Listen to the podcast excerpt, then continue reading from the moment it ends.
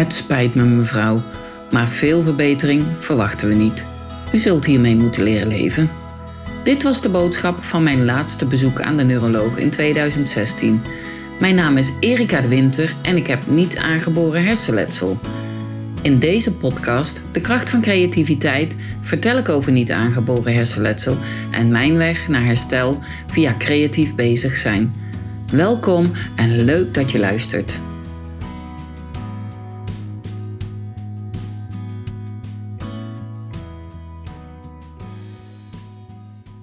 Hallo allemaal, hier is weer een nieuwe aflevering van de podcast De kracht van creativiteit. Vandaag zit tegenover mij Daan van der Klooster.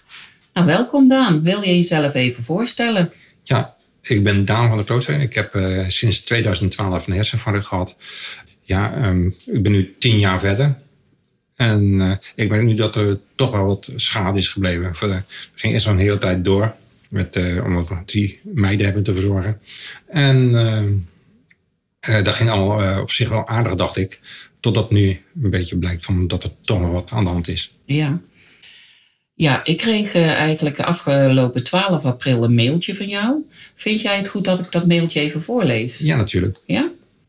Nou, het mailtje was als volgt. Beste Erika, na uw website bezocht te hebben is mijn interesse gewekt. Ik heb in 2012 een herseninfarct gehad en na een lange revalidatie in Rijndam, Rotterdam, redelijk hersteld, dacht ik toen. We gingen eraan voorbij dat dit blijvend was. Ook door de drukte in het gezin was er geen tijd voor het verwerken. Nu die drukte voorbij is, merken wij dat het helemaal niet goed is gegaan. Ik ben wel een studie tot fotograaf gaan volgen in 2017 en deze afgerond met een diploma. Graag wil ik in contact met jullie komen om te kijken of een creatieve dagbesteding wat voor mij is. Ik hoor graag van u.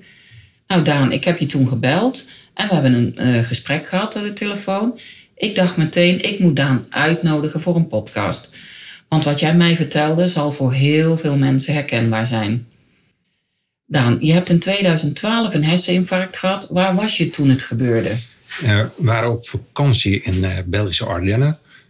Aan de kant van Luxemburg, een beetje in de grens aan. En uh, het was daar heel koud. En uh, op een nacht word ik wakker. En het is niet s'nachts, maar s ochtends moest ik wakker worden. En ik moest het luidje bij mijn jongste dochter aantrekken. En dat lukte niet. Dus toen voelde ik, er is iets aan de hand. Er was een tinteling in mijn arm. En voor de rest niet. En uh, toen zijn we rond gaan zoeken. En er bleek een bedrijfsarts op de camping te zijn. Die ook op vakantie was met zijn gezin daar. En uh, die zegt, dit ziet er ernstig uit. je moet naar het ziekenhuis toe. En uh, de optie was in Luxemburg. Maar omdat wij natuurlijk de taal niet machtig waren. Verwezen ons van of naar Luik of naar Maastricht. En toen zijn we Maastricht terechtgekomen. En heb je revalidatie gehad na die opname? Hoe kwamen ze erachter dat het een herseninfarct was? Eerst kwamen ze in Maastricht kwamen ze niet achter. Ze dachten aan een hevige burn-out. Dus we dachten, dat is ook ernstig, want zij is verpleegkundige. Um, dachten dan is er iets helemaal niet aan de hand eh, in orde met hem. Want uh, ja, gezien dat toen ontslagen was en geen werk meer had...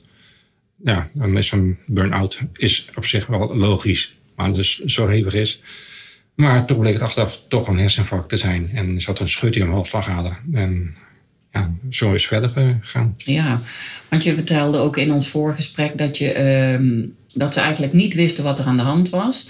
En tot je s'nachts weer een aanval kreeg of iets kreeg. En toen zijn ze pas verder gaan zoeken ook. En toen kwamen ze erachter dat het een herseninfarct was. Uh, toen nog steeds niet. Nog steeds niet? Nog steeds niet. En pas in Rotterdam, uh, na drie dagen zijn ze erachter gekomen.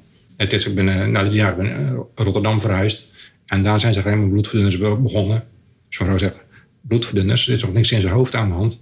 Zij zegt, kunnen we niet uitsluiten. En na een dag was het bekend dat het wel zoiets was. En dat toen ook met een MRI-scan gemaakt is. Ja. Of een röntgenscan, ik weet niet meer. Dat er toen uh, schade was in mijn hoofd. Dat er schade was ja. in je hoofd, ja. En toen heb je revalidatie gehad. En hoe lang ben je, heb je gerevalideerd? Ik heb eerst drie weken in het ziekenhuis gelegen. En toen ben ik drie maanden in Rijndam geweest. En, en, daarna heb ik nog een half jaar uh, opknappen en sporten daar en zwemmen. Ja, toen heb je polyklinisch nog ja, gerevalideerd. Ja. En hoe heb je het leven weer opgepakt na de revalidatie? Ja, eigenlijk zijn we gewoon na de revalidatie doorgegaan. Um, een beetje zo van, nou, als wat er verteld wordt, dat was niet van eh, toepassing op mij. Dus eh, er was eigenlijk voor de rest niks aan de hand, behalve dat ik dan een hersenfout had. Dus we probeerden een beetje te leven zo eh, met een uitkering. En ja, daarna is het gaan knagen. Ik moest iets gaan doen. Ja. En, want je was afgekeurd. Je Ja. zegt, ik probeerde te leven, maar je was echt gewoon Ja. afgekeurd. Want ja, je kon gewoon niet meer werken. Nee, klopt. Ik zat eh, in de reclame. En ik moest eh, die taken tegelijk doen. En dat ging niet meer. Nee. Dus eh, daarna ben ik een studie gaan doen tot fotograaf. Goed afgerond met een diploma. Daarna ben ik gaan zoeken naar werk. En ik krijg steeds te horen van, u, u hoeft niet meer te werken. Nee. Want u heeft een uitkering. Ja, dat is lastig, want je hebt een uitkering, je hoeft niet meer te werken. En eh, je hebt wel een keer een paar keer geprobeerd, Ja. denk ik, iets te zoeken. En eh, ja, Meerdere keren. En eh, ook wel gesprekken gehad in eh, het fotomuseum waar ik werk. Nou, er is eigenlijk niks uitgekomen. ja, nou dat is heel vervelend. Daan, denk je dat je het verwerkt hebt, je herseninfarct? Ehm, na tien jaar zijn we nu echt in staat doen dat we aan het verwerken zijn. Oké. Nou, kan je, kan je nagaan, luisteraars. Ja, mocht je iemand kennen eh, in de buurt of eh, ja, in je familie en je omgeving. Ja, Daan is tien jaar na dato ja, is pas bezig met de verwerking. Er is echt zoveel gebeurd. Ja, eigenlijk, ja, ik vind het heel knap hoe hij sowieso hier tegenover me zit en met mij die podcast doet. Ja, daar heb ik echt eh, bewondering voor. En Daan, ben je nu nog ergens onder behandeling? Nee. Nee. Nee. En eh, lieve luisteraars, Daan maakt hele mooie foto's. Um, Je kan kijken op de website van Daan van de Klooster, daanvanderklooster.nl. En Daan, jij maakt dus foto's. Dat vind ik ook een vorm van creativiteit. Helpt creativiteit jou? Ja, nou, dan ga ik echt eh, helemaal mijn tijd in Ja. verliezen. En dan, eh, Ja. ja. dan ben ik er echt mee bezig. Nou, nou, jammer dat jullie geen beeld zien. Ik stelde die vraag en ik zag gelijk eigenlijk glinsteren oogjes bij Daan. Nou, creativiteit helpt jou, dus foto's maken ook. En waar merk je dat aan? Waar merk je dat nou het meeste aan? Meer in mijn gevoel zelf zo van, ik ben ermee bezig. En dan heb ik, er, ja, wat ik zei, dan vlieg ik echt de tijd uit het oog. En eh, ik heb ook een tijdje schoolfotografie gedaan. En dat is zo'n stress. En dan moet je zoveel dingen tegelijk letten. En als een jongetje toen de tijd een potlood als een oortje wilde stoppen, dat vond ik prima. Maar de docent die vond dat niet prima. Die zegt dat potloodje moet weg en anders moet de foto over. Ja, Ja, daar was ik ook gelijk- gelijk klaar mee. ja, ja. Want toen eh, dacht je van, eh, nou, dat niet meer. Nou. Nee. Dus, nou ja, op, op jouw website, ik heb jouw website doorgenomen, staat dat jij jezelf ziet als een mensenfotograaf. En je fotografeert voornamelijk mensen met een beperking. Waarom is dat? Eh, daar voel ik me thuis. En eh, dat is andersom ook. De mensen voelen zich bij mij thuis. En dan eh, krijg je meer contact met die mensen. Oké, nou mooi. De podcast is getiteld De kracht van creativiteit. Wat betekent voor jou de kracht van creativiteit? Ja, dus zoals ik al net zei, ik heb vroeger in de kamer gezeten. Een heel creatief beroep. En ja, dat is voor mij ja, meer je van het. Zo van, eh, daar voel ik me thuis. Ja. Nou, het lijkt me sowieso tussendoor leuk om nog een paar vragen te stellen waar je kort, spontaan antwoord op kan geven. Dus niet nadenken, Daan, maar gewoon meteen antwoorden. Wat is de allermooiste foto die je gemaakt hebt? Oei, moet ik toch even nadenken. Ja, dat mag, maar niet te lang, hè? Nee, toch sowieso van eh, de Gemira. Een, een mevrouw eh, met een zonne in haar neus. Dat vond ik een van de mooiste foto's. Oké. En staat die ook op je website? Ja. Ah. Dus nogmaals, kijk eens op daanvandeklooster.nl. Daar staan prachtige foto's op. Eh, Daan, waar ben je het meeste trots op? dat ik nu hier zit. En, en, en gewoon nog steeds doorgaan. En ja, wel dingen uit gaan zoeken van hoe, hoe kan het beter. Daar gaan we het straks nog even over hebben.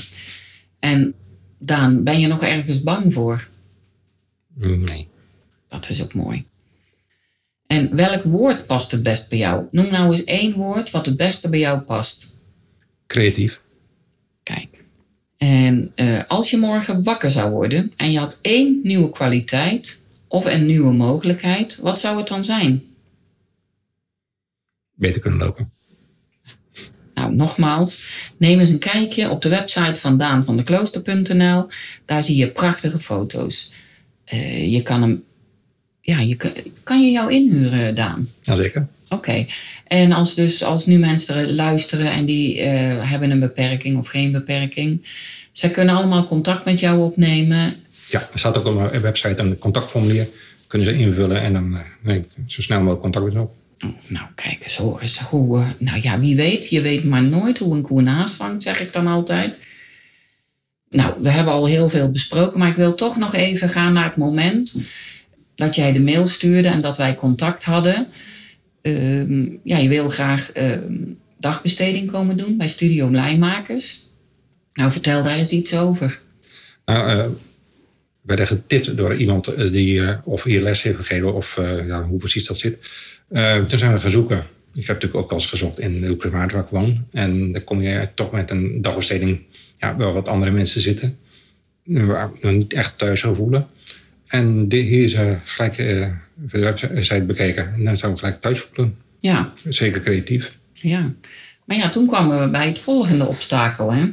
Eh luisteraar Daan woont in de eh, Hoekse Waard. En de dagbesteding van Studio Blijmakers zit in eh, Dordrecht. Nou, dat ligt niet in de Hoekse Waard. Ja, hoe gaan we dat nou oplossen? Ik, eh, ik, wist, ik wist het ook niet. Ik heb Den geadviseerd, of Daan, ik zeg Den, zo heet mijn man, maar dit is Daan. Ja. heb ik geadviseerd om contact op te nemen met de WMO. Nou, vertel eens. Toen heb je gebeld. Ja, eh, ik kreeg gelijk van, ja, maar eh, realiseert u wel dat het eh, minimaal 12 weken duurt voordat u een consulent langs krijgt? En dan gaan toen nog een aantal weken overheen voordat een beslissing is genomen. En zei ze, kijk eens in uw omgeving of er daar niks is. Ik zei, nou, dat heb ik gedaan. Ik zeg, daar zou ik niet thuis voelen. Ik heb het andere woorden gebruikt, maar mm, dit is niet voor de Dit uitzending. is niet voor de uitzending. nee, niet geschikt. Nou, toen zei ze, u staat a- aangemeld eh, in het WMO als zijn eh, hulpzoekende, maar dan eh, voor de huishouding. Ze, misschien dat u daardoor voorrang krijgt. We hebben een gesprek gehad ook met een, eh, iemand, een consulent van mee. Die is, eh, is wel vaak bij ons geweest. En eh, daar zijn we nu verder. En nu gaat het waarschijnlijk onder het PGB terechtkomen. Oké. Dus nu kan je via mij wel gaan proberen om bij de juiste dagbesteding, tenminste die het beste bij jou past, terecht te komen. Ook al zit die niet in de Hoekse Waard. Precies. Nou ja, we hopen zeker dat het gaat lukken.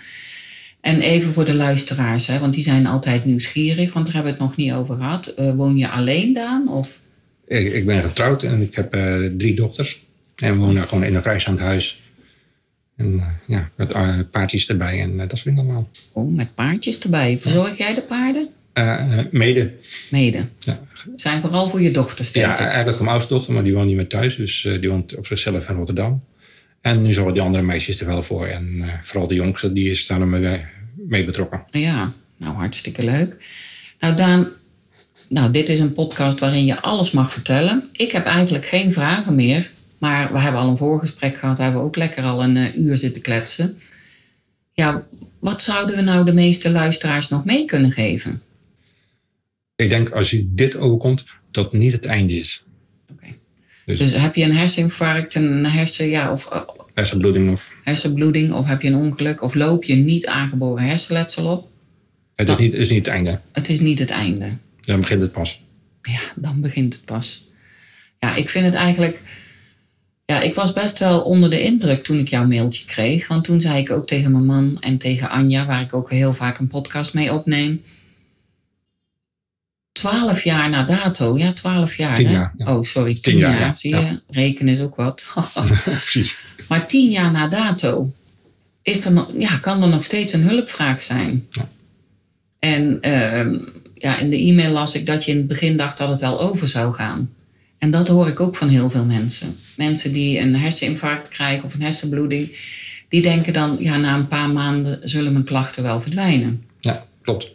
Ja, Ja, dacht ja. jij dat ook? Dacht ik ook. Ja, En ja, sowieso, je omgeving gaat er ook zo op in. En ja, en achteraf, eh, na zoveel jaar, blijkt toch het tegenovergestelde. ja, En eh, op aanraden heb ik even naar een programma gegeven van Help Man is een klusser. ja. En er is iemand uit Heine Noord, dat is niet zo ver bij ons vandaan.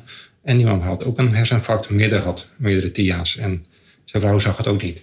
Nee. Dus die zat ook een beetje met die hulpvraag. Ja, want er wordt heel vaak eh, gezegd. Hè, dat, ik heb zelf de uitzien, uitzending van Help mijn man als klusser. Ik geloof van begin april. Nog niet gezien, waarin een man eh, eh, meedeed die niet aangeboren hersenletsel had. Maar ik heb het van heel veel mensen gehoord. Het was echt schrijnend. Ja. Echt. Die man wilde van alles. En eh, in zijn hoofd ging dat ook allemaal zo. En zijn vrouw had niet door dat het eigenlijk allemaal de beperkingen waren van niet aangeboren hersenletsel. Klopt, ja, helemaal. En dat komt heel erg aan de orde. Ja, ja dat, nou, dat is eigenlijk is het heel triest. Maar gelukkig heb jij wel in de gaten dat dingen die er nu spelen, dat dat eh, ja, eigenlijk onzichtbare gevolgen nog steeds zijn van niet aangeboren hersenletsel. Ja, klopt. En mag ik vragen, Daan, waar heb jij nou, ja, wat zijn dan die onzichtbare gevolgen? En ik weet dat natuurlijk wel, maar er zijn altijd mensen die denken, ja, weet je wel, als, je, als ik hier jou zo tegenover mij zie zitten, dan denk ik, ja, nou ja, er is niks aan de hand met die man. Dan denk je normale vent. En, uh, Ja, ja. Als je bijvoorbeeld een supermarkt binnenloopt en je denkt van, ik ga een boodschap halen en je bent een boodschappenlijstje vergeten of uh, je te- telefoon te zetten, dat je loopt in de supermarkt en denkt, wat ging je nou echt doen? ja. herkenbaar. Ja, heel herkenbaar, hè? Of dat je ergens mee bezig bent in de schuur aan een klusje of dan denk hé, hey, dat moet ik ook nog even doen. En dan ga je daarna verder en dan komt het ander niks meer. Ja.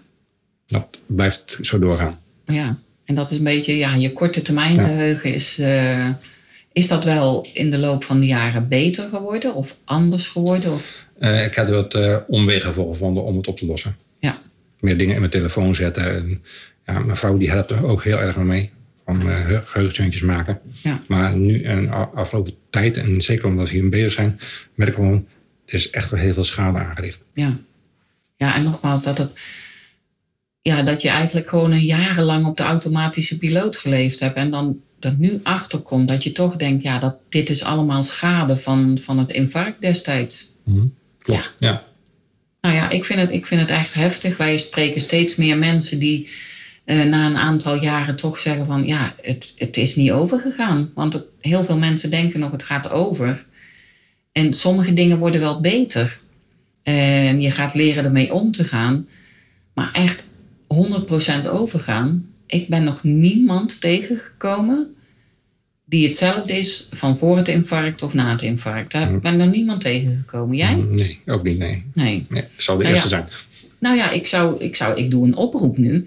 Ja, mocht er iemand zitten te luisteren die een herseninfarct, een hersenbloeding of hè, iets op heeft gelopen en die zegt, nou, ik was daarna precies hetzelfde, dan hoor ik het ook graag. En dan horen we natuurlijk ook de tips en de tricks ja, die jou geholpen hebben.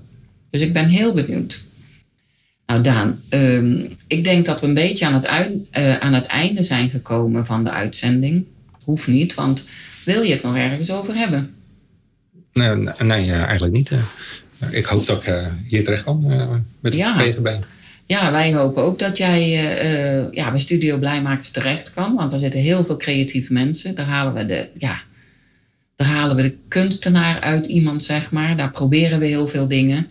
En ehm, nou ja, laten we, het, laten we het hopen. Ik zou zeggen, blijf ons volgen. Dan in de volgende ehm, podcast ga ik jullie vertellen of het wel of niet gelukt is. En misschien over een tijdje gaan we weer met eh, Daan eh, in gesprek. Maar vergeet, ik mag reclame maken, hè, Daan. Vergeet vooral niet te kijken op de website van Daan.